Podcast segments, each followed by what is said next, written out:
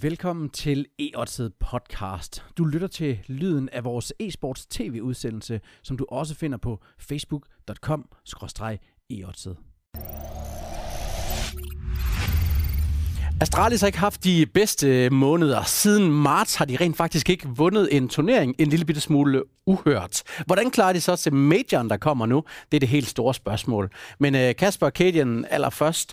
Er der nogen hold, som er bedre til major-turneringer end, end andre turneringer, og Astralis som en af dem?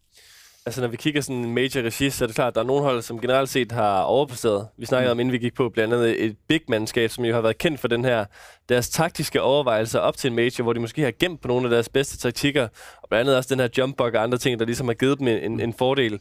Udover det, så hvis man for eksempel kigger på den svenske scene, så har vi et uh, NIP-mandskab, som altså nærmest evig tid har været sådan kategoriseret som det bedste svenske mandskab. På trods af det, så har de en major sejr, og Fnatic har for eksempel tre.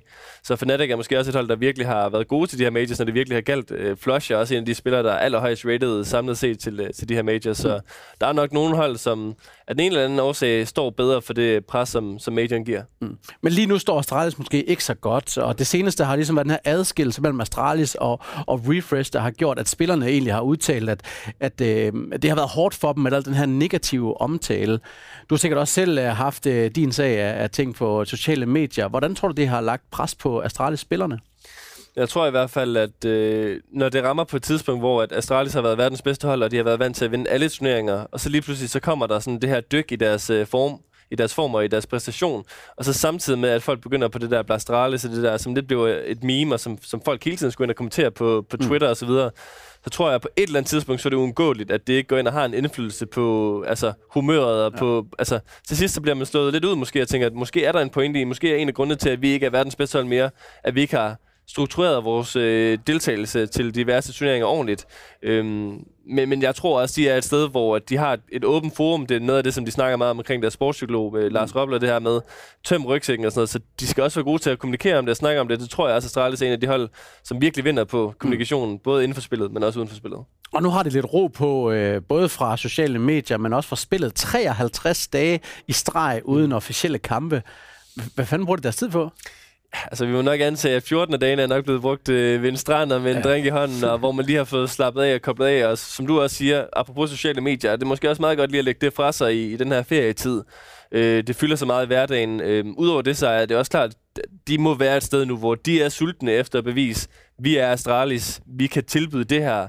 Vi har været verdensbedste hold så længe, og vi har ikke bare tænkt os at falde ned igennem ranglisten, så jeg tror, de er sultne. Jeg tror, de går ind og har en, en meget intens og seriøs bootcamp, hvor de ligesom får, får taget de her ting øh, og opvejet, hvad er det, vi skal gøre bedre. En af de ting, vi har snakket om meget før, er, at de normalt er rigtig gode til at bruge tiden effektivt. Mm. Så de måske ikke er altid det hold, der træner mest, men der træner.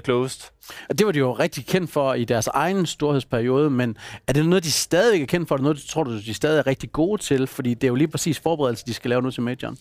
Jeg synes, der er sådan to ting. En af de ting, jeg også har taget igennem nogle af de interviews, vi har set øh, efter deres nederlag, er, at, at ofte bliver der også vægtet det her med den, med den individuelle præstation. Mm. Øh, så jeg tror altså, at nogle af de timer, der skal lægges, er de individuelle timer. Altså ikke nødvendigvis sammen som hold, men at folk de skal dedikere mere af deres tid til, uh, til deathmatch og øh, FPL og hvad der ellers kan, kan gavne dem. Fordi jeg tror ikke, der er nogen tvivl om, at spilfilosofien hos Astralis den synes jeg stadigvæk er bedre end hos alle de andre hold. Brugen af granater, øh, deres teamplay, det her. Men de skal have selvtillid tilbage, og de skal vinde deres dueller. Gør de det, så er Astralis stadigvæk et mandskab, som kan være verdens bedste.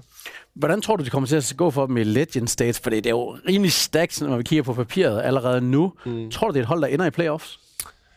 Ja, det skal de. Altså, de skal være blandt de øh, otte bedste hold. Det kan der slet ikke være nogen tvivl om. Mm. Øh, en af de ting, der måske lidt kan være en ulempe, som jeg synes, vi har set ved nogle af de tidligere majors ved det her nye format, er det her med, at øh, holdene, der kommer fra New Challenger Stage, virkelig har spillet sig varme og kommet ind i turneringen, hvor de hold, som for eksempel Astralis, du nævner, 54 dage uden nogen reelle kamp, og så lige står man der med et hold, der har spillet sådan 3-4 kampe i træk, og bare er i det der game mode. Mm. Øh, det kan nogle gange godt være lidt svært i starten, men jeg tror også på, at de har rutinen til, at jeg ved, de har rutinen. En top 8, det, det skal Astralis altså kunne håndtere.